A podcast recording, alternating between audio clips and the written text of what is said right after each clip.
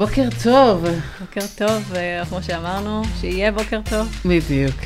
אז אנחנו בפודקאסט פורצות קדימה במלחמה, אנחנו מתייחסות לדברים אקטואליים שקורים לנו עכשיו.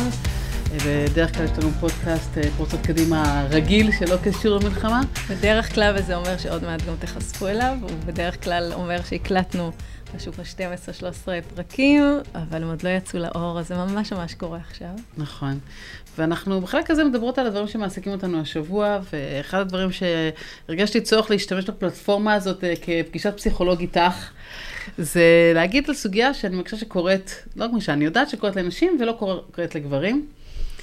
אני לאחרונה מתראיין בטלוויזיה, במגוון אה, אה, פאנלים, ו... ואני אומרת דברים שבעיניי הם אה, חשובים, אחרת לא הייתי מבזבז את הזמן שלי. אני יושבת שם לפעמים שעה וחצי, לפעמים שעתיים, ומדברת מתוך זה אולי בסך הכל ביום הטוב 15 דקות. ומה שחושבת מראש, מה חשוב לי להגיד, ומה הכי אקטואלי, ואיך לא לחזור על עצמי. ותנחשי על מה הפידבקים שאני מקבלת בדרך כלל. שאלה טובה. אז אני בדרך כלל מקבלת פידבקים על, על איך אני נראית, ואני יודעת שזה בא ממקום טוב, וזה, וזה מקום מפרגן, בדרך כלל זה דברים טובים, למרות שיש כאלה שאמרו לי, תקשיבי, אה, טלטלים פחות מתאים לך, את צריכה ללכת עם חלק, וכאלה שאמרו, טלטלים יותר מתאים לך, את נראית יותר צעירה, ויש כאלה שאמרו, כל הכבוד שאת הולכת עם חצי קוקו, זה בדיוק מה שמתאים. אז, אז מצד אחד זה, זה, א', זה מגוון דעות, אז כנראה ש, שה, שהכל הולך, או הכל לא הולך, זה תלוי לאן מחליטה להיות אופטימית או פסימית. יאללה, נוצא אחרי הפודקאסט הזה סקר. בדיוק. כי גם פה, הם יראו את הווידאוים לאורך הזה, אז יראו אותך פעם עם טלטלים, פעם אחת עם חלק, פעם אחת עם קוקו, אז uh, נוכל לקבל תשובה. בדיוק. מספרית, או, לשאלה הזאת. בדיוק, זה הסקר הראשון שנעשה, כי הוא החשוב במעלה שנעשה בפודקאסט. עכשיו, כמובן, אחרי שהם מעירות לך על, ה, על זה, או מעירים, הם כמובן אומרים גם על התוכן המדהים שאת מביאה. בדיוק, וזה לא. הייתה אחת שכתבה לי שהיא צופה בי, ואז היא כתבה לי שאחד הדברים שאמרתי מאוד אה, נגעו לליבה, והיא ממש התרגשה שאמרתי את זה, וזה נראה לה חשוב. אה, חברה אחרת דיברה איתי על תרבות הדיון, שהיא אמרה שאני הכי מנומסת וזה מצוין, כי אז אחרים, אה, כי היא חושבת שככה צריך להיות תרבות הדיון, בעלה אמר שאני צריכה להידחף יותר. אז גם פה, וזה בסדר, אבל זה היה על, על האיך, אבל אף אחד, חוץ ממך, לא דיבר איתי על המה. מדהים. ואני יודעת שאת, בסדר, אני כביכול מביאה מקרה שהוא לא תקף לכולם, כי לא כולם התראיינו בטלוויזיה. אבל אני יודעת שזה לא רק בנושא של הטלוויזיה. אחת סיבות שנגיד נשים לא רוצות לדבר בכנסים, או לא רוצות אה, לדבר, אפילו להתראיין, עם, עם הארגון שאני רוצה לשלוח אותם להתראיין בשם הארגון, זה העניין שלה של איך אני נראית ומה יגידו על זה. זה מדהים, אני באמת חושבת שקל למאזינות ולמאזינים רגע לחשוב על הסוגיה שלנו, שתחשבו רגע על גבר. שהולך להתראיין או נמצא בפאנל. האם אתם תגידו לו, וואי, החליפה שלך? זה היה מצוין, איך שהתאמת את העניבה הירוקה עם הנעליים הירוקות, זה מושלם. אני, באמת, תנסו רגע לדמיין את זה, או, וואי, הסתפרת היום, ראו. נכון, או לא הסתפרת. או לא, למה השארת את הזיפים?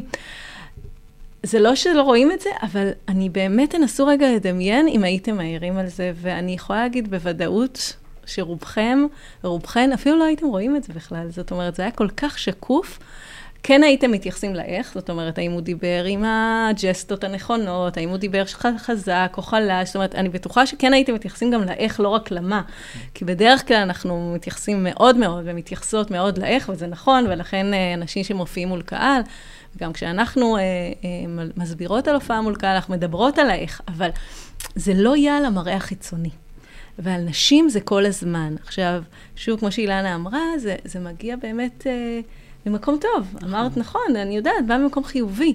אבל בסוף זה נותן כל כך הרבה פוקוס על הדבר הזה, ואז נשים אומרות, היום השיער שלי לא נראה טוב, אני לא אלך לכנס. אני אוותר. אני אוותר. אה, היום, אה, או כל הזמן נורא עסוקות בהאם אה, אני נראית טוב, האם אני עבדתי, עכשיו, הרבה פעמים אומרים, אוקיי, כי נשים הן כאלה, נורא מתעסקות במראה החיצוני, אבל זה שוב, זה מעגל. בדיוק. אם כל הזמן אני באה וגם נשפטת על המראה החיצוני, שהאם זה היה בסדר שלא עשיתי שורשים או שכן עשיתי שורשים, אז אני אהיה גם מאוד עסוקה בזה. זאת אומרת, זה מעגל שהוא לא נגמר, וחלק מהנושא של הטיות מגדריות. ובסוף זה משפיע על כל דבר שאנחנו עושות, ולכן המודעות הזאת, שאנחנו מדברות עליה הרבה בפודקאסט, וגם בטח נדבר עליה היום, היא כל כך חשובה, כי בסוף מה שאת אומרת, זה הסיבה שהביאו אותך, הביאו אותך כמומחית, במקרה הזה להסברה, ורוצים לשמוע את מה שיש לך להגיד, וגם יש לך המון ערך ולקבל פידבק על מה שאמרת. בדיוק, עניין אתכם, לא עניין אתכם, סוגיה שכבר נידונה מלא פעמים, ולא חידשתי, כן חידשתי, בדיוק זה העניין. ואני ממש רואה איך שזה משפיע עליי, כי למעשה מצופה ממני עוד עבודה, עבודת התחזוק המראה שלי. עכשיו, כשאת עובדת בעבודה אחרת, שהיא העבודה המרכזית שלך, לא תמיד יש לך זמן לעבוד בתחזוק המראה, ואז עוד פעם יכול להיות מצב כזה, שאותם גברים, כשאין להם את כל הסיפור הזה, הם רק צריכים, חלק מהם רק שמים ג'קט, וחלק אפילו שמים ג'קט, ושוב, אף אחד לא שם לב לזה כל כך, אז הם לא צריכים להתעסק בזה, אז יש להם זמן יותר למהות. וזה ממש. גם חלק ממה ש... באיזשהו מקום שקומם אותי. אבל זאת לא העבודה שלי, אני לא דוגמנית, אני לא מתיימרת להיות דוגמנית, אז אני לא צריכה להיות כל הזמן בעיסוק סביב המראה שלי. מדהים. אז אנחנו הולכות להציג פה את המרואיינת הבאה שלנו. נכון. בפודקאסט, מירב פרץ בלינסקי, שיש לה סיפור מעניין על השם. אה, שהמהות שלה ומה שהיא הולכת להגיד בטוח יהיה מאוד מאוד מעניין, וזה יהיה מאוד מאוד חשוב לנו, וניתן פוקוס, וגם מה שטוב שזה פודקאסט, אז זה פחות מתעסקים באיך שאנחנו נראות, אלא יותר באיך שאנחנו נשמעות, אז זה כבר אה, משהו אחר. אז אה, נציג את המרואיינת הבאה. בוקר טוב לאורחת שלנו, מירב פרץ בלינסקי. מה שלומך הבוקר? בוקר טוב, בסדר גמור. מה שלומכן? בוקר טוב. אנחנו עד כמה שאפשר. כן, החלטנו שזו אמירה נכונה בימים אלה. כן. כן. אז עוד לפני שהתחלנו לדבר, פתאום אמרת שהשם הזה, פרץ בלינסקי, הוא לא תמיד היה, הוא רק קיים שנתיים במתכונת הזאת. אז לפני שנדע מי את ומה את, מה, מה זה השם הזה, למה רק עכשיו? נכון. אז באמת כשניסיתי לפני 19 שנים, מיהרתי להחליף מפרץ לבילינסקי, כי ככה, בלי לחשוב את זה בכלל. Uh, למרות שאז אבא שלי הרים גבה והופתעתי שזה בא ממנו. מעניין. שכמה החלפת את השם. וואלה. ואני זוכרת גם מפקד בצבא אמר לי אז, אה, מה החלפת? מירב פרץ זה מותג? מי עכשיו זה? אמרתי לו, גם מירב בילינסקי יהיה מותג. כל הכבוד. ועברו המון שנים, 17 שנים. אבל זה שזה ממש הפריע לו שהחלפת, זאת אומרת שהוא שם לב. זה הפתיע אותי שזה הפריע לו. כן. לא קיבלתי מסרים אחרים. נשים מסביבי, בילדות, החליפו את השם אחרי נכון. הנישואין. כן, כן. אבל uh, לפני כמה שנים אבא שלי עבר אירוע מוחי יחסית קשה, והרגשתי ש... ויתרתי בהחלפת שם הזאת על משהו מהזהות שלי. בעקבות האירוע שלו, והלכתי למשרד הפנים והחזרתי, ואני מירב פרץ בילינסקי. וזה גם מותג. יאללה, כל דבר יהיה מותג, זה מה הבן אדם עושה את השם. אז מירב. עכשיו תספרי על עצמך, אחרי שהבנו את uh, מקור השם. נשמח לשמוע ככה כמה מילים, גם הנשים והגברים שמאזינים לנו. בשמחה. ומאזינות. אז אני uh, סמנכ"לית דאטה ובינה מלאכותית במערך הדיגיטל הלאומי, זה גוף uh, ששייך לממשלה, הוא כפוף לשר הכלכלה, ומטרתו להעביר את המגזר הציבורי דיגיטציה. Uh, ואני הגעתי uh, לשם uh, לפני כחצי שנה, אחרי קרוב ל-25 שנות שירות בצה"ל. אני uh, סגן אלוף, התחלתי ממתכנתת צעירה ועד uh, uh, סגנית מפקד מרכז הדאטה סיינס ב-8200. ואפילו הספקתי לעשות עוד תפקיד אחד מחוץ לחיל המודיעין, שהובלתי את היציאה של צה"ל לענן הציבורי. אמ, אני נשואה לעופר, מתגוררת בחולון, אני בת 44 כמעט, ויש לנו שלושה בנים, אמיר בן 17 וחצי, אייל בן 16 ואיתי בן 11 וחצי. פתאום אני חושבת שלציין גילאים אה, בשלב הזה הוא נורא קריטי, כי אז אה, שם אותך, האם את מאלה שישנה יותר טוב בלילה או ישנה פחות טוב בלילה, כן. זה ממש, אה, אז 17 וחצי זה עוד... הוא בי"ב. כן, אז עוד הלילות שלך עדיין נכון. נורמליים במרכאות. כן. כן. לגמרי, לגמרי. עכשיו הכל מאוד מאוד נכנס לסיטואציה הזאת, מירב ואני ששוחחנו קצת לפני. אז באמת דיברתי על זה שהבת שלי כבר חיילת, אז כל החברים שלה בצבא, ולמזלי יש לי בת, והיא במקרה גם לא קרבית, אז, אה, אז יותר קל לי, אבל שכל החברים שלה בצבא, ואז אה, מירב אמרה שבאמת הבן שלה עכשיו, אבל מי יודע עד כמה זמן ייקח המלחמה, והוא יתגייס, אז זה כל כך אה, חלק מה, מהשיח. זה מאוד מעסיק, אני גם... בתור מי ששירתה בצבא כל החיים, מאוד הקפדתי במסרים לילדים שלי להגיד שזה חשוב להיות קרבי וזה, בוא נגיד שהמסרים שלי השתנו בחודשיים האחרונים. אפשר להבין. בטח. ממש, אני פוחדת. בטח. זה מפחיד. כן.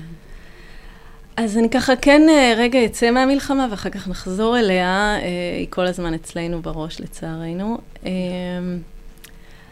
אז עשית הרבה מאוד דברים בקריירה, אמנם במקום אחד להרבה שנים, אבל תפקידים שונים, ונתקלת באנשים שונים, ורציתי לדעת ככה באיזה שלב אה, פתאום נושא המגדר או נושא של נשים, אה, אנחנו קוראות לזה רגע המומנט, כזה רגע ה, רגע ההכרה, שבו את אומרת, רגע, אני לא רק אה, מירב פרץ, ואחר כך וילינסקי, ואני לא רק התפקיד שלי כמתכנתת, אלא גם יש לי פה, אה, אני שייכת למגדר מסוים, ויש לזה גם משמעות.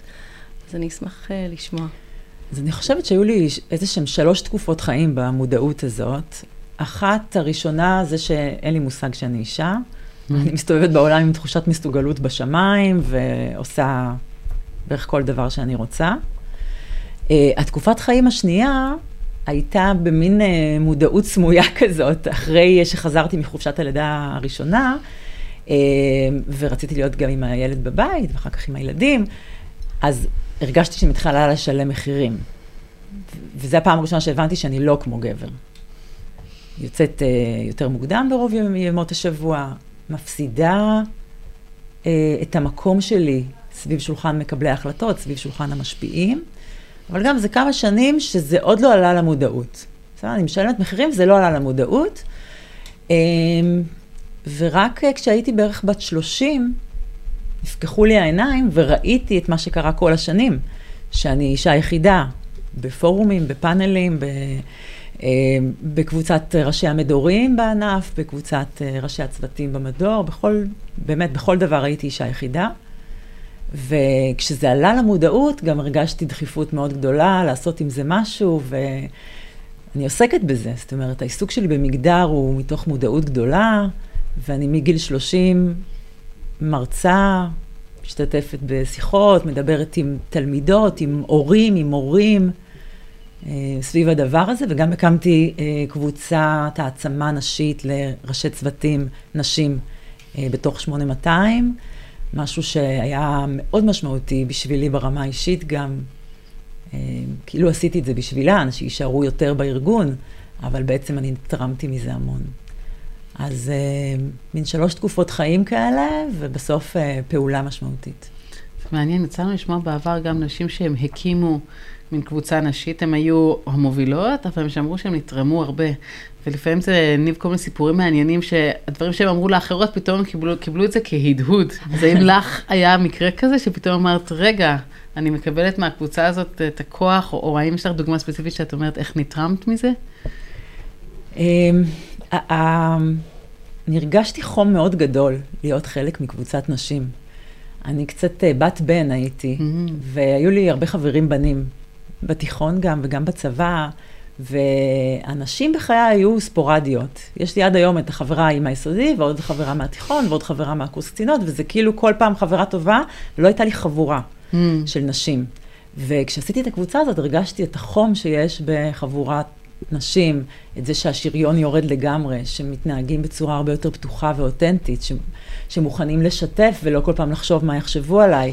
אז זו תחושת חום מאוד מאוד גדולה שקיבלתי. וואו, זה מדהים. אה, וזה, ציפית לזה? כי אני יכולה להגיד מההתנסות שלי עם בנות בנים, מה שנקרא שמגדירות עצמן כאלה שבתיכון היה רק בנים וזה, וממש באחד הסדנאות שהעברנו באחד הארגונים, אז ממש אני זוכרת מישהי ספציפית, שהיא מהנדסת. ושהיא באה והיא כזה, בפגש הראשון אמרת לי, מה הקטע הזה של לשבת עכשיו כולן נשים, לעשות קומביה, לזה? אמרתי לה שכמובן זה לא מה שהולך להיות פה, אבל אה, אמרה, אוקיי, הייתה במצב כזה של בפנים בחוץ כזה. ואחרי שני מפגשים, פתאום אומרת, בדיוק מה שאמרת. אני, אני לא הבנתי את זה. אני ישבתי עם בנים וחשבתי גם שזה סבבה לי. שאני כאילו מדברת על הכל והכל פתוח, ופתאום אני מוציאה פה דברים. ואני מרגישה שיש מי שמקשיב לי ושיש לי איזה כוח שבכלל לא חשבתי שחסר. אז מעניין ככה. אותי ככה. גם אני באתי כאילו בשבילן לעשות, כן? נכון. שאם אני לא אשקיע בהן ולא אעלה למודעות את הדבר הזה, אז הסטטיסטיקה תנצח גם את השכבת גיל הזאת, ו, וגם הם יגיעו להיות כמוני, כן. הייתי אז רב סרן, רב סרן יחידה במרכז, פחות או יותר. ההיסטוריה תחזור על עצמה, כן. כן, כן, והחום הזה הפתיע אותי וחימם את ליבי, ואני מעריכה אותו מאוד מאוד. את החבורה הזאת. רגע, אנחנו יכולות להגיד שאנחנו, שמענו הדים לזה, כי אנחנו המשכנו לעבוד שם, וכל כמה זמן מישהי ניגשת אלינו ואומרת, את יודעת, למירב הייתה השפעה מאוד גדולה עליי.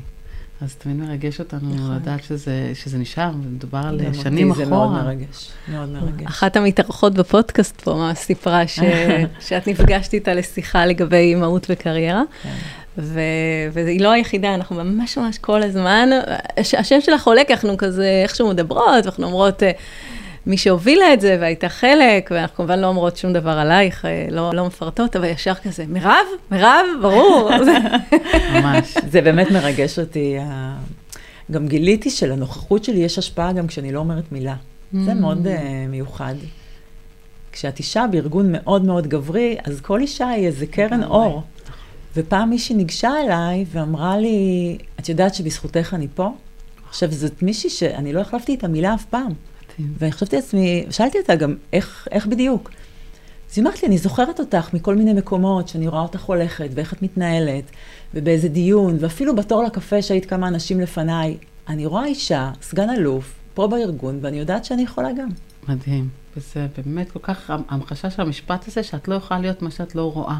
בדיוק. וזה, כי, כי זה לפעמים ממש לפרוץ לנו את גבולות החשיבה, אם אנחנו לא רואות, נגיד, אישה טייסת, אז כנראה שאישה לא יכולה להיות טייסת, פתאום את רואה אישה טייסת, אה, אישה יכולה, ו, וכל דבר אחר, אבל זה מדהים עד כמה הראש שלנו מקובע, גם אם אנחנו במודעות, עדיין לפעמים הראש מקובע, עד שיש מישהי אחת שמוכיחה לנו שזה אפשרי. נכון. כי מאוד קשה להיות הראשונה.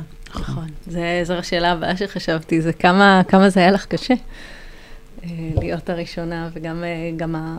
יש משהו מאוד מאוד משמח בזה שאת היית דוגמה, ואנשים אה, רק בנוכחות, אבל יש בזה איזה עול. נכון. הזמן מסתכלות יכול עלייך. להיות שאת לא ראית את זה ככה. לא, לא ראיתי את זה. כעול. ראיתי את זה כזכות גדולה. ראיתי בעיניים שלך שלא ראית את זה כן, כן. כעול. להיות שזה שם. משמח מאוד. כי יש. כאלה שמרגישות בעצם שהן כל הזמן צריכות לעמוד בציפיות, ו- ושהן כל הזמן תחת, גם אם המבט הוא אוהד ואוהב, עדיין צריך לעמוד בסטנדרט, ואז זה אומר שאני לא רק צריכה להיות מקצועית, אלא אני צריכה גם לא לאכזב, ואז הן מרגישות את זה כאיזשהו כובד. כן. אבל מעניין שאת לא חווית את זה ככה. לא, התחושות האלה יופי. שאני צריכה לעמוד בסטנדרט מסוים היו בהקשר כללי של הקריירה.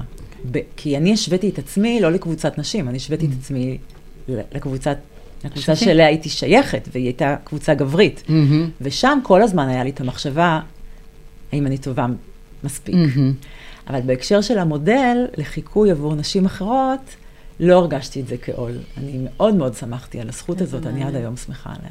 איזה כיף. אני ממש שמחה לשמוע, כי אז אחרות ידעו שאפשר לראות את זה גם ככה, ולא רק הלחץ הזה. לגמרי. אמ, אז דיברנו קצת באמת על זה שאת בקבוצת גברים לרוב, היית האישה היחידה, וככל שהתקדמת זה היה יותר ויותר, וגם בדיונים ראית את זה יותר, זאת אומרת, לאו דווקא אפילו מקבילים לך, אני מניחה שגם כשהיית בדיונים עם אנשים מיחידות אחרות או מארגונים אחרים. מה הרגשת מהסביבה? זאת אומרת, איזה פידבק הרגשת, בין אם זה מילולי, שאת אומרת, זה קורה לי יותר כי אני אישה. ובין אם זה לא מילולי, אבל שאת הרגשת משהו בהתנהלות, או משהו בקבלת ההחלטות, או כל מיני דברים שלא נאמר לך בפנים מן הסתם, אבל את אומרת, אני רואה פה שזה אחרת, ו- ושאם הייתי גבר, או שאני רואה שגבר מקביל אליי, דברים מתנהלים אחרת. אז באמת התרבות דיון היא אגרסיבית, ואם את לא מתפרצת לדברים, אז דברייך לא יישמעו. זה, זה מהצד של הסובבים. אבל גם מהצד שלי אני הרגשתי שאני חוסמת את עצמי הרבה פעמים. שאני לא מרימה את היד בזמן עד שאני לא בטוחה מילה במילה מה אני הולכת להגיד. שאני לא מתיישבת במקום שראוי לי בשולחן, אלא תופסת את כיסאות מאחורה. ו, אה, וזה אחד הטיפים הכי גדולים שהיא נותנת לנשים צעירות, שיסתכלו על עצמן ויבינו מה הן לא אוהבות בהתנהגות שלהן וישנו אותה. זה קל להגיד, זה מאוד קשה לעשות, כי ההתנהגות הזאת היא נובעת ממש מה, מהביטחון העצמי, מהמיקום שה, שהראש שלנו שם את עצמנו באותו ארגון.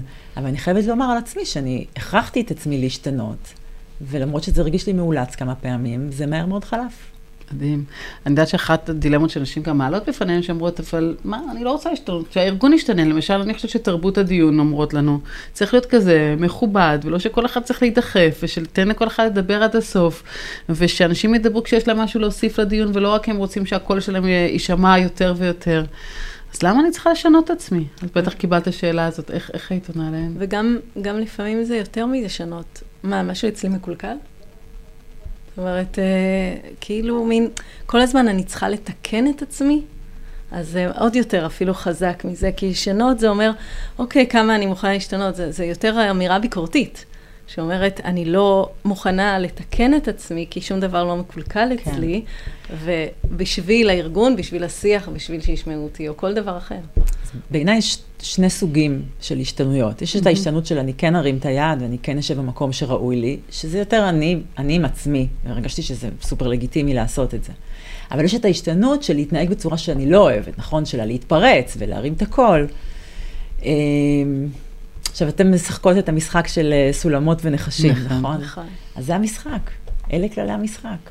וזה או שאת כן תדחפי, תשתיקי, אמ, תבואי לידי ביטוי לא משנה מה, או שתעלי את הרעיונות שלך בדרכים אחרות, שזה גם כלי טוב. את יכולה ללכת למקבל ההחלטות ולדבר איתו לפני הדיון, אחרי הדיון, בסדר? את יכולה לייצר לובי לפני, ואז גברים אחרים יוכלו להגיד את מה שאת חושבת ואת תשפיעי ככה. אבל uh, צריך מדי פעם גם לתפוס את המקום. מאוד אהבתי את, ה, את התשובה, אני גם אנסה להמשיג את זה במונחים שלנו, של המשחק. זה, יש משחק, קודם כל תהיי במודעות למשחק. ותהיי במודעות גם לזה שיש לך איזשהו ניצחון או איזשהו רצון להגיע ל, ל, ליעדים מסוימים.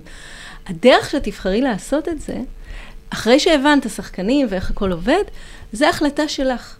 זאת אומרת, את יכולה להחליט שכן, הדרך שאת רוצה זה שאם מישהו אחר מרים קול, גם את תרימי קול, נגיד, בפגישה מסוימת. זה לא אומר שהפכת לבן אדם אגרסיבי, אלא כי שיחקת את המשחק באותה פגישה. או שתגידי, לא, זה לא מתאים לי כשחקנית. אבל יש דרכים אחרות, כמו שאמרת. אז בעיניי ההסתכלות הזאת גורמת לנו, ההסתכלות האסטרטגית על המשחק, גורמת לנו איפה אנחנו יכולות להשתנות, איפה לא, איפה אנחנו מוצאות דרכים אחרות, ולהיות מאוד אותנטיות במובן הזה. אני יכולה להגיד שזו דילמה שמה שהעסיקה אותי בימים האחרונים, אה, כי יש לי עכשיו בנוסף לפורסות קדימה עוד תפקיד, ובגלל התפקיד הזה אז אני מתראיינת הרבה בתקשורת. וכמו שאנחנו יודעים הרבה פעמים בפאנלים, אז, אז מצד אחד מביאים אנשים לפי תחומי העיסוק שלהם ותחומי המומחיות שלהם, והם אמורים לדבר לפי זה. וכמו שאנחנו גם יודעות, הרבה פעמים אנשים מדברים גם בלי קשר לתחום העיסוק שלהם, והם מדברים כי הם כמומחים להכל. וכן אני אדבר בהכללה, זה יותר גברים שמתנהלים ככה. נשים, ואני כבר הייתי בהרבה פאנלים, יותר מדברות בדרך כלל על התחום המקצועי שלהם. אם מומחית לפלסטינים, היא תדבר על פלסטינים. אם מומחית, אני לא יודעת מה, לאנשים עם אה, חרדות, היא תדבר על חרדות. הם מומחים לחיזבאללה, הם ידברו על הכל. ו- ו- והרבה פעמים פידבק שקיבלתי מחברים שצפו בי, אמרו, אבל את דיפלומטית מדי, את מנומסת מדי. וידעת שזה שילוב של שני הדברים, גם כי אני דיפלומטית, בהוויה שלי בכל זאת הייתי במשרד החוץ 14 שנה, וגם חינוך שקיבלתי, וגם כי אני אישה. ידעתי שזה כמה דברים ביחד. ומצד אחד גם אמרתי, אני לא רוצה להשתנות, אני חושבת שתרבות הדיון צריכה להשתנות, אני חושבת שאותו מומחה לחיזבאללה צריך לדבר רק על חיזבאללה, ושלא ידבר לי על פסיכולוגיה של ילדים, הוא לא הנושא שלו. אבל מצד שני, יש את הזמן מסך הזה, ואני רוצה, כן, כמו שאנחנו רוצות בדיונים בעבודה, אני רוצה להשפיע, ויש לנו זמן נתון לדיון, וזה בדיוק אותו דבר בטלוויזיה ובמקום העבודה. ואני רוצה שאני אדבר על התחום שלי, ולא אותו אחד שאין לו בזה שום מושג. ואז כל הזמן דילמה, האם אני עכשיו נכנס לתרבות הדיון הזאת, ובאיזשהו מקום, בניגוד לערכים שלי, אבל מצליחה להעביר את המסר, או שאני אה, לא נכנעת.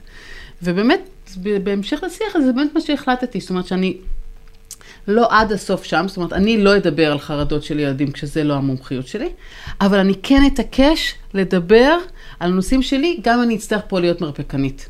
וזה איכשהו, איך שאני התמודדתי עם הדילמה הזאת. Mm-hmm. אז אני חושבת שזה גם בעולם העבודה. אני חושבת שהסוגיה הזאת חשובה, ואת המומחית, אז אל תתני לאחרים לקחת לך את כל הבמה, כי יש להם איזה רעיון יצירתי במיוחד, אבל הוא לא קשור, וזה נחמד, יכולים להביע את הרעיונות היצירתיים שלהם, אבל לא על חשבון הזמן שלך, שאת זאת שמובילה את הדיון, או את זאת שיש לך את הידע המקצועי. אז תפני את הזמן הזה, למרות שאולי זה לא הדבר הכי טבעי לך לעשות. אני חושבת שזה לפחות ה... איך שאני פתרתי את הדילמה הזאת. גם חשוב לי לומר ש... כן. שזה יכול להיות אחרת. זאת אומרת, הארגון שאני נמצאת בו היום, מערך הדיגיטל הלאומי, גם עומדת בראשו אישה. אה, מנכ"לית המערך היא שירה לבמי. אה, תרבות הדיון היא כל כך נעימה, mm. היא כל כך לא מרפקנית, וזה הרוח שלה ששורה על כל דיון שהיא מנהלת. גם פורום ההנהלה הוא מאוד מאוזן מגדרית. וזה מאוד נעים להיות בכזה ארגון. שזה גם אחד הדברים שאנחנו אומרות, שכשנשים מצליחות לשחק כללי המשחק, ומגיעות אחרי זה לתפקיד בכיר, הן יכולות גם לשנות. זאת אומרת, לא, לאורך כל הדרך הן יכולות לשנות. נכון. גם כשאת מנהלת צוות של חמישה אנשים, לגמרי. אז את יכולה שם כבר לשנות את התרבות, וחלק מהם אחרי זה גם ייקחו את זה הלאה, כשהם יהיו ראשי צוותים, זאת אומרת, זה לא חייב להיות שאני רק בטופ הפירמידה, אני יכולה לאורך הדרך בדיוק. לשנות. בדיוק, גם אני המון פעמים, שאני ניהלתי דיונים, וראיתי קצינות צעירות שלא באות לידי לא ביטוי, לידי. אז אני פונה אליהן. לגמרי. ואז הן באות לידי ביטוי. זהו, זה כל מה שצריך. אני מדברת על זה גם עם uh, מורות בתיכונים ובחטיבות ביניים. תפנו אל האישה, תפנו אל הילדה. נכון. כי אנחנו רואות את זה גם בבית ספר, אני ממש מדברת עם מורות של הילדים שלי, וממש יש איזה גיל שבו נשים הולכות קצת אחורה, או נדחקות אחורה, הילדות, לא נשים. ואז באמת התפקיד של המורה זה כן לראות וכן לייצר את. האיזון. ולפעמים באמת, תראי איזה, איזה, כמו שאמרת, זה תיקון כל כך פשוט. זה זה דורש מודעות, שזה לא דבר קל. אבל אחרי המודעות, הפעילות, הרבה פעמים אומרים לנו, כפורצות קדימה, יש לכם כלים להביא לנו? ואנחנו אומרות, טקטיקה. וואי, זה מדהים, את מזכירה לי משהו מהיחידה. אני באיזשהו שלב הייתי שותפה לכינון של תוכנית עבודה מגדרית ב-8200, ומתישהו עשיתי איזשהו משהו שיווקי, הכנתי תפריט, אולי אתן זוכרות, הראיתי לכן. יכול להיות. תפריט אה, השוויון המגדרי, והמון דברים היו בחינם בתפריט הזה. וואי, אני לא זוכרת, אז יכול להיות ש... פשוט אם אתה נותן לה עכשיו את זכות הדיבור באופן יזום, או אם אתה אה, מדבר גם על הקצינות, ממש בשפה, ולא רק על הקצינים, או אם אתה ב, אה, בדיון שיבוצים, שואל, רגע, מה עם האי? למה היא לא יוצאת למרכז הערכה? זה דברים שעולים לך כל כך מעט כסף. ממש. כאילו במרכאות. נכון, ממש. אפילו בחינם. אה, אז הסיפור הזה של באמת המודעות זה, זה רוב הדרך. וואי, זה, זה מקסים התפריט. אנחנו רוצות אותו. נאמץ אותו. אני חושבת שיש לי אותו עדיין כן, בבית. כן, אז יאללה. אני. אני אצלם לכם. נכון, נשים. אה, זה באמת מביא אותי באמת למלחמה ש... שאנחנו לא יכולות להתעלם ממנה, אנחנו גם לא רוצות להתעלם. אה, אני אומרת את זה כי בשאר הפרקים שהקלטנו בפודקאסט עוד לפני, אבל הם ישודרו אחרי, אה, בחרנו להתעלם מהמציאות מסביבנו, ברמה שאז בתקופה הזאת הייתה את המהפכה המשטרית. או הרפורמה, תלוי איך אתה מסתכלת על זה, ובחרנו ממש כדי לייצר אה, איזה אי של התייחסות רק לנושא של נשים וקריירה וכולי, אבל בתקופת המלחמה אנחנו מרגישות ש... שזה בלתי אפשרי. ולכן אנחנו כן נרצה את האינפוט שלך אה, בלהסתכל על נשים פורצות קדימה, או בכלל נושא של נשים וגברים, וגם על הדברים שדיברנו היום, עד כמה לנשים יש מקום בתוך הסיטואציה הזאת, גם ברמה האזרחית וגם ברמה הצבאית, כי את נמצאת בשני הכובעים האלה. אני אשמח ככה לשמוע מה דעתך. טוב, זה די ברור אה, מה אני חושבת, כן? ברור שלא רק שיש להם מקום סביב שולחן מקבלי החלטות, הן חייבות להיות שם. כי אם לא, בעצם נקודת המבט של חצי מהאוכלוסייה לא באה לידי ביטוי. ואיך את רואה את זה בפועל כרגע במלחמה? את רואה שינוי? את רואה יותר נשים? את, איפה את רואה את התרומה? האם, האם יש להן מקום? אני חושבת שאני רואה פחות נשים. אה, גם במרחב האזרחי. אה, הרבה פחות נשים. ו- ואת חושבת ש... שנניח ואת עכשיו היית זאת שמקבלת את התיק במדינה, להביא יותר נשים להיות מקבלות החלטות. איך אנחנו עושים את זה? כי את כן עכשיו בתפקיד מאוד בכיר, זאת אומרת, לאומי. אז מתוך נקודת מבט לאומית, מה, מה אפשר לעשות בגדול, אם בכלל? זה חוזר למודעות. אה, והמודעות, זה נורא חשוב לי לשים את זה פה, זה לא כדי שהן לא יהיו מסכנות, זה לא כדי ש... שנהיה פיירים גם איתם. לא, אנחנו פשוט אה, מנהלים ארגון פחות טוב כשהוא מוטה מגדרית, גם אם הוא רק נשים וגם אם הוא רק גברים, בסדר? אין פה איזה צד יותר טוב מהשני. זאת השותפות שמביאה לארגון פורה יותר, בריא יותר.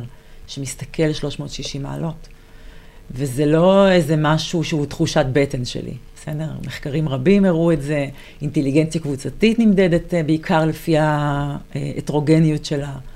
והיו מקרים שממש ראית את זה? שראית שאישה הביאה נקודות מבט שונות מאוד, נגיד והייתה קבוצה של, של גברים או רוב גברי, או ממש אמרת לעצמך, הנה, בדיוק לזה המחקרים התכוונו, בדיוק לזה אני התכוונתי. וככה עוד שתי דוגמאות שבאמת עכשיו עולות מאוד חזק, על הנושא של התצפיתניות שפחות הקשיבו עליהן, או אותה נגדת ב-8200, שרק חלק אה, אה, התייחסו למה שהיא כתבה. את חושבת שהיה אפשר לעשות אחרת? אני חושבת שהקונספציה הייתה כל כך דרמטית, עם קיבעון משמעותי, שאני לא בטוחה שהיה אפשר לעשות אחרת, וכמעט לא משנה מי היו נמצאים בדרגים הבכירים, שאפשר היה לעשות אחרת. אבל אני לא יכולה גם להתעלם מזה שהמטריעות בשער היו נשים. אז uh, יש פה משהו משולב. כן, אה, גם לתחושתנו. Uh, למרות שבאמת אין לנו שום דרך לדעת אם היה תרחיש אחר, אם זה היה גברים שמתריעים בשער, אנחנו מהמחקרים שלנו חושבות שכנראה היו מתייחסים אליהם אחרת. אבל... מה שמוביל באמת לשאלה ככה שאילנה, שאני הפרעתי באמצע עם השאלה הזאת, זה ש... האם ראית מקרים כאלה בעבר? ש... שאותה אה, קצינה לא באה לידי ביטוי. אתם עובדים הרבה עם כל הארגונים בממשלה. עכשיו, זה נכון, נכון שיש שם נשים, אבל באמת הייתי רוצה לשמוע איך זה גם שם. אני חושבת שגם מערך הדיגיטל הוא מיוחד מהבחינה הזאת. אה, זה שיש הנהלה נשית, זה, זה חריג לטובה בממשלה. אני אשמח לראות עוד כאלה, אבל אה, כן חשוב לי מאוד להגיד שכל משרדי הממשלה במאמץ דרמטי לטובת הציבור, בשביל הציבור, באמת בעשייה וחשיבה, בתוך האילוצים שיש במגזר הציבורי, אבל כולם מאוד מאוד מאוד רתומים ובאים לשרת, ממש ככה. ומה ככה האחריות גם של משרדי ממשלה וגם בצבא וגם בכלל ארגונים בנושא של גיוון מגדרי? מה התפקיד שלהם? דרמטי. אמ, כמו שאמרתי קודם, זה מאוד קשה להיות האישה הראשונה. בלי שיש מעגל לתמיכה, בלי שזה בא מאיזה drive פנימי, בלי שאיזה בוס יגיד לך, את יכולה. זה מדהים, אני לא רוצה רגע להזכיר שמות, אבל אמ, מישהי שבחרתי לאחרונה לאיזשהו תפקיד, אמרה לי שביקשתי ממנה לראיין איתי אנשים שיהיו תחתיה. אמ, והיא עוברת על הקורות חיים ואומרת, אני חושבת שיש אנשים טובים ממני. וואו. יואו, זה רק אישה. זה רק אישה, תגיד דבר כזה. מישהו גבר, לא, יש לך לדמיין סיטואציה כזאת. רק אישה תגיד דבר כזה. נכון. לרוב הגברים יגידו שמי שמעליהם, הוא צריך להחליף אותם. סליחה, כן. כהכללה, לא כולם, אבל רובם אומרים, כן, נכון. בסדר, אני בשל להחליף אותו, הוא יכול להמשיך הלאה. אה, כן, כן, זה נורא חזק. אני חייבת להגיד שלא תחשבו שאני מרגישה סופר וומן תמיד, כן? אבל uh, בשלהי השירות שלי בצבא, אז היו לי שתי התמודדויות על תפקידי אלוף משנה, שלא זכיתי בהן. ואחת מהן הייתה התמודדות שהיה לי קשה להגיש אליה מועמדות. אני שהטפתי כל השנים hmm. לנשים להעז ו- ולבקש בשביל עצמן ולעשות וזה, הרגשתי שקשה לי להרים את הטלפון. אה, ואם לא הייתי מחנכת את עצמי כל השנים האלה, אולי לא הייתי מרימה אותו. כן. אבל uh, בסוף בכוח הרמתי את הטלפון, התמודדתי על התפקיד, הייתה לי התמודדות מצוינת, הגם שלא זכיתי, uh, ומאוד מאוד שמחתי שעשיתי את זה. זה גם שאלה. זה כי... קורה לנו. אני, אני מרגישה לפעמים שהסטריאוטיפים שקורים להרבה מאוד נשים, קורים גם לי. לגמרי. וגם הרבה פעמים נשים שאנחנו מביאות דוגמה כמו שאת הבאת, שניסיתי ולא הצלחתי, הרבה מהן אומרות, אני...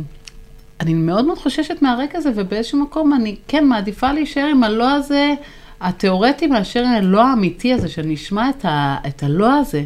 יש לך מה להגיד להם? זאת אומרת, למה את אומרת, כן, התמודדתי פעמיים ולא זכיתי ואני עדיין שמחה על זה. למה? מאוד שמחה על זה. כי הייתה לי התמודדות פצצה. באמת, אני קיבלתי פידבק כזה שאני הייתי באמת, אולי אפילו הפכתי את עצמי במהלך ההתמודדות למתמודדת רלוונטית יותר ממה שהייתי בתחילת ההתמודדות. בגלל שבחרתי לשים את עצמי מקדימה, ולדבר ולהתראיין, ו- ולהגיד שאני מסוגלת, ולהעמיד את עצמי למול המתמודדים האחרים ולהסביר במה החוזקות שלי. הרגשתי שההתמודדות הזאת נתנה לי המון המון כוח, באמת. מדהים, מדהים. ואז גם הלא הזה לא לקח, לא, לא ביטל את כל מה שאת אמרת ועשית שם, כי זה מה שהן מפחדות, לפחות מה שמספרו אותנו חלק מהאנשים. לא, זו הייתה התנסות uh, חיובית, והיא בוודאי תיתן לי כוח בהתמודדות הבאה. מדהים. אתם שומעות? זה נורא חשוב. אני חושבת שומעות את זה כל כך הרבה, שהן אומרות, יש לי, זה ברוב מהשיחות שלנו, זה מה שנקרא תסמונת המתחזה. ואם מישהי מרגישה מתחזה, ואז היא מקבלת את הלא, אז אומרת, אה, אז אני באמת מתחזה. אז, ואז מרגישות שאפילו במקום הנוכחי שלהן, הן הולכות צעד אחורה, ואז הן חוששות בגלל זה לנסות ללכת את הצעד קדימה. אני חושבת שמה שאת אומרת, זה מה שאנחנו גם מנסות להגיד, אבל זה אחרת ממך לספר את זה מהניסיון שלך, ומה שחווית את ההרגשה הזאת של לא, אני שברגע שנעצרתי לספר כמה אני ראויה, אני השתכנעתי בעצמי, אני ממש ראויה. באמת שכן. וואו, אני חושבת שזה אחת המטרות שלנו גם בפודקאסט, זה באמת לשמוע אנשים כמוך, כי הרבה פעמים את יכולה לבוא לאישה צעירה בתחילת הדרך ולהגיד, תקשיבי, את חייבת. לשווק את עצמך, חייבת. להג, להגיש מועמדות גם כשאת לא בטוחה, את חייבת, כל מיני כאלה. עכשיו, א', הילה ואני מאוד לא בשיטה הזאת של חייבת, חייבת, אנחנו באמת חושבות שזה תמיד תהליך שהרבה יותר ארוך, אה, אבל הרבה פעמים שהם שומעים, שומעים, שומעים או שומעות על מישהי שעשתה את זה, וזה אכן הביא לה את התוצאה הרצויה, אז יש סיכוי שאולי הם יכוונו לכיוון הזה. ואני חושבת שזה מראה כמה העיסוק הזה, ב, כן, בגיוון מגדרי, במנהיגות שהיא אינקלוסיבית, וכל הזמן להעלות את המודעות, הוא גם טוב לסביבה, כי זה יוצר אה, משהו בתרבות, וגם לאותן נשים שמתעסקות עם זה. אני חושבת שזה מה שאת גם מראה, שעצם זה שנכנסת ועבדת והיית בדבר הזה, זה יצר גם אה, המון רווחים עבורך. המון. כן. אני גם חושבת שנשים הרבה פעמים מרגישות שהן צריכות לבחור במה להצטיין. הן צריכות mm. להצטיין בבית, או mm. להצטיין בקריירה, או להצטיין בלימודים, או להצטיין באימהות. ואני אומרת אה, גם וגם וגם וגם. אני מצוינת בהכל. לא, לא אני יודעת שזה לא מה שאת מתכוונת, לא לכן אמרתי את זה. לא, לא, אבל אני, אני רוצה לשים פה את ההבדל בין הישגיות להצטיינות, או בין הישגיות לתחרותיות, בסדר? כשאני הישגית, אני תחרותית מול עצמי. אני משיגה כל פעם משהו נוסף למול מה שהשגתי קודם. כשאני תחרותית, אני מרגישה שאני צריכה לנצח מישהו. אני לא תחרותית, אבל אני סופר הישגית, ובכל תחומי החיים. יש לי אה, משפט, דיברנו על זה הרבה בעבר, אה, שהוא לא, לא פשוט ליישום, ואני אומרת, תעשי ילדים כאילו אין לך קריירה, ותעשי קריירה כאילו אין לך ילדים. ולמי ואני... שלא מכירה, זה לקוח בהשאלה ממה שנאמר על הספר הלבן. נכון. אז לכו לאת ספרי ההיסטוריה ותמצאו את המשפט הנכון. כן, נכון. אה, ואני מתכוונת בעצם ש, שאל תנסי לקבל החלטות אה, לפני שאת עומדת בפני הקושי. זאת אומרת, אם את רוצה להביא ילד לעולם עכשיו, תתחילי לעבוד על זה. ואל תחשבי איך אני אסתדר בתפקיד ההוא וההוא. וגם ההפך, אם את רוצה לקבל תפקיד מסוים שמציעים לך, תקחי אותו בשתי ידיים ותפציצי שם, ואל תגידי איך אני אסתדר כשיהיו לי ילדים קטנים. תעשי את הכל בכל העוצמות, ותקחי את כל ההזדמנויות שיש לך, ורק כאשר את נתקלת כבר בקושי עצמו, ואת כבר חווה אותו, אז תשקלי עם עצמך איזה ויתורים את רוצה לעשות, אבל לא מראש, אף פעם.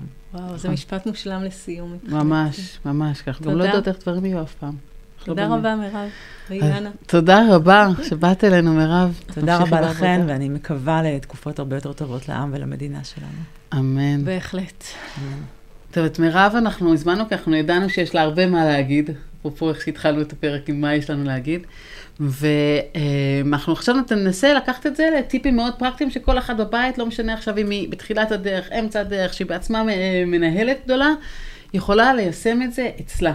וכמובן שגם הגברים אתם מוזמנים ליישם וגם להעביר את זה הלאה. אז בואו נתחיל. טיפ מספר אחד. אני אתחיל רגע לפני הטיפ, אבל אני חושבת שזה כן מתחבר לזה, וזה ההיכרות שלנו עם מירב.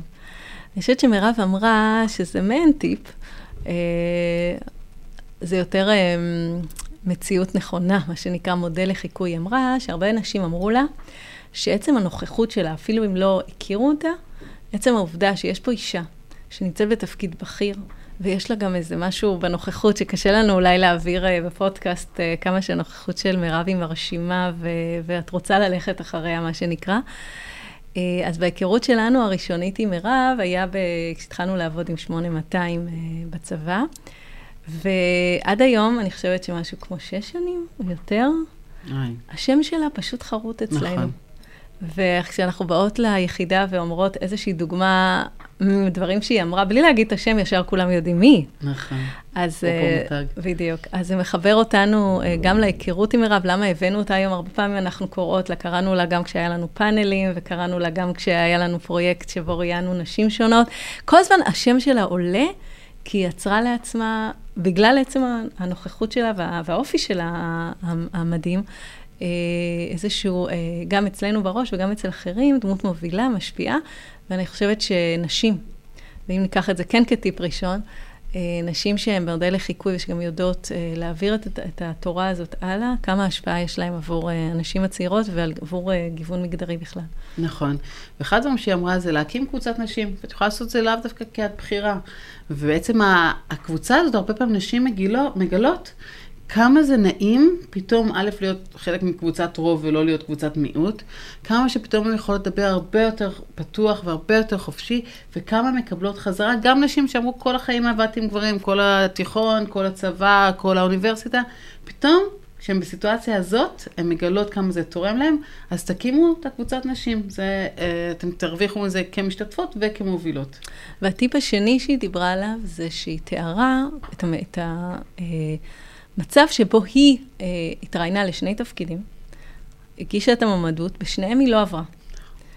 ואחד מהם היא מאוד, כמו ששמעתם כרגע, מאוד חששה לגשת והייתה צריכה לעבוד על עצמה עם הכלים שהיא כבר פיתחה לאורך השנים. להיות המנטורית של עצמה שדוחפת אותה. בדיוק. ו...